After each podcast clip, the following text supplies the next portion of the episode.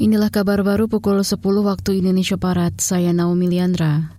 Ketua DPR Puan Maharani hari ini akan memimpin rapat paripurna DPR dengan agenda pengambilan keputusan rancangan Undang-Undang RUU Tindak Pidana Kekerasan Seksual TPKS dan RUU Ibu Kota Negara IKN. RUU TPKS akan diambil keputusan menjadi usul inisiatif DPR. Sedangkan RUU IKN akan diputuskan pemberian persetujuan menjadi undang-undang.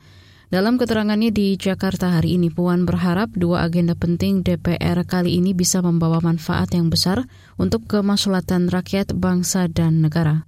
Terkait RUU TPKS setelah RUU itu sah menjadi inisiatif DPR, maka parlemen bersama pemerintah akan membahas RUU TPKS. Pembahasan akan dilakukan setelah DPR menerima surat presiden atau surpres.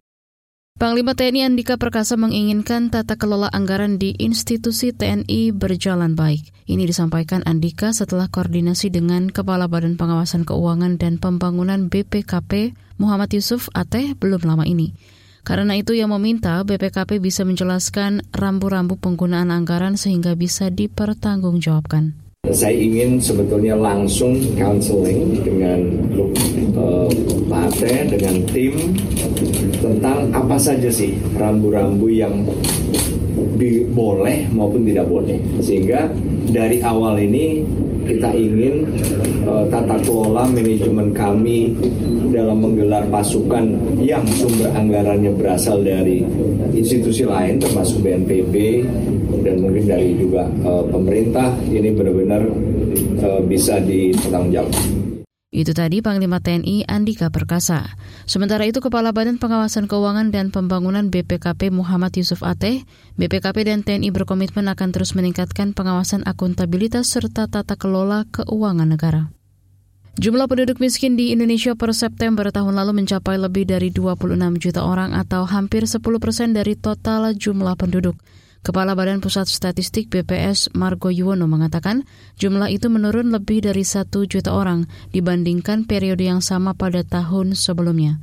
Kata dia, Papua dan Papua Barat menjadi daerah tertinggi angka kemiskinannya, yakni 27 persen dan 21 persen.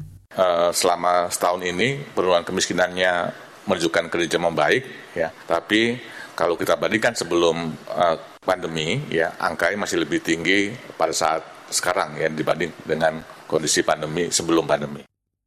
Kita ke soal lain, kediaman koordinator LSM Kontras Fatia Maulidianti pagi ini didatangi lima anggota polisi. Menurut keterangan dari peneliti Kontras, Rifanle yang diterima KBR, para polisi itu datang untuk menjemput dan membawa Fatia ke Polda Metro Jaya untuk pemeriksaan. Namun Fatia menolak dan akan datang sendiri ke Polda pukul 11 siang ini. Selain Fatia, kediaman aktivis HAM Haris Azhar juga didatangi polisi pagi tadi. Haris juga menolak dibawa dan memilih datang sendiri ke Polda Metro Jaya. Belum ada keterangan dari polisi terkait hal ini, namun diduga terkait laporan Menko Marves Luhut ke Polda Metro Jaya yang menyoal tentang video yang diunggah di YouTube. Demikian kabar baru KBR. Saya Naomi Liandra, undur diri.